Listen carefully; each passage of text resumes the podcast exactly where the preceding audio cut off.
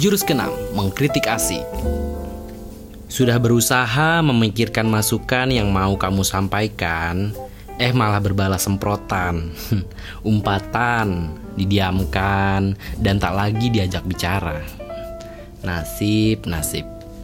Begitulah yang biasa terjadi. Kritikan yang berujung ketegangan dan kerenggangan pertemanan. Niat hati membantu lewat kritikan. Jatuhnya malah respon negatif di luar dugaan. Memberi kritik ke teman dekat sekalipun tidak bisa asal ternyata. Tidak asal bicara. Ada seni dan caranya. Agar kritikan kamu tersampaikan dengan baik dan tak menimbulkan tanggapan negatif berlebihan, coba lakukan tiga langkah berikut. Pertama, mintalah persetujuan orang yang akan kamu kritik. Aku punya kritikan nih buat kamu. Apa kamu berkenan mendengarnya? Biasanya sih jarang ada yang menolak dikritik ketika diminta izin seperti itu. Alasannya macam-macam lah. Yang nggak mau dianggap anti kritik lah, baperan lah, katrok lah, dan sebagainya. Setidaknya, dengan meminta izin terlebih dahulu, memberikan waktu bagi temanmu untuk berpikir dan menyiapkan diri. Kedua, tidak menghakimi.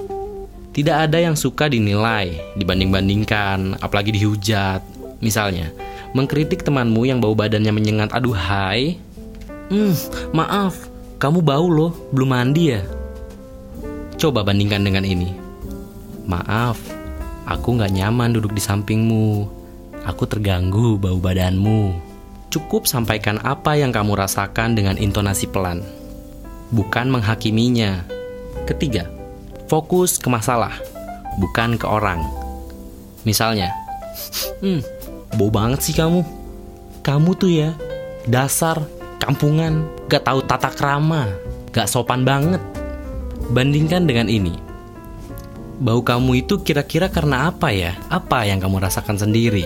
Apa pernah ada yang bicara ke kamu tentang hari ini? Ajak orang yang kamu kritik mendiskusikan apa yang menjadi ketidaknyamananmu.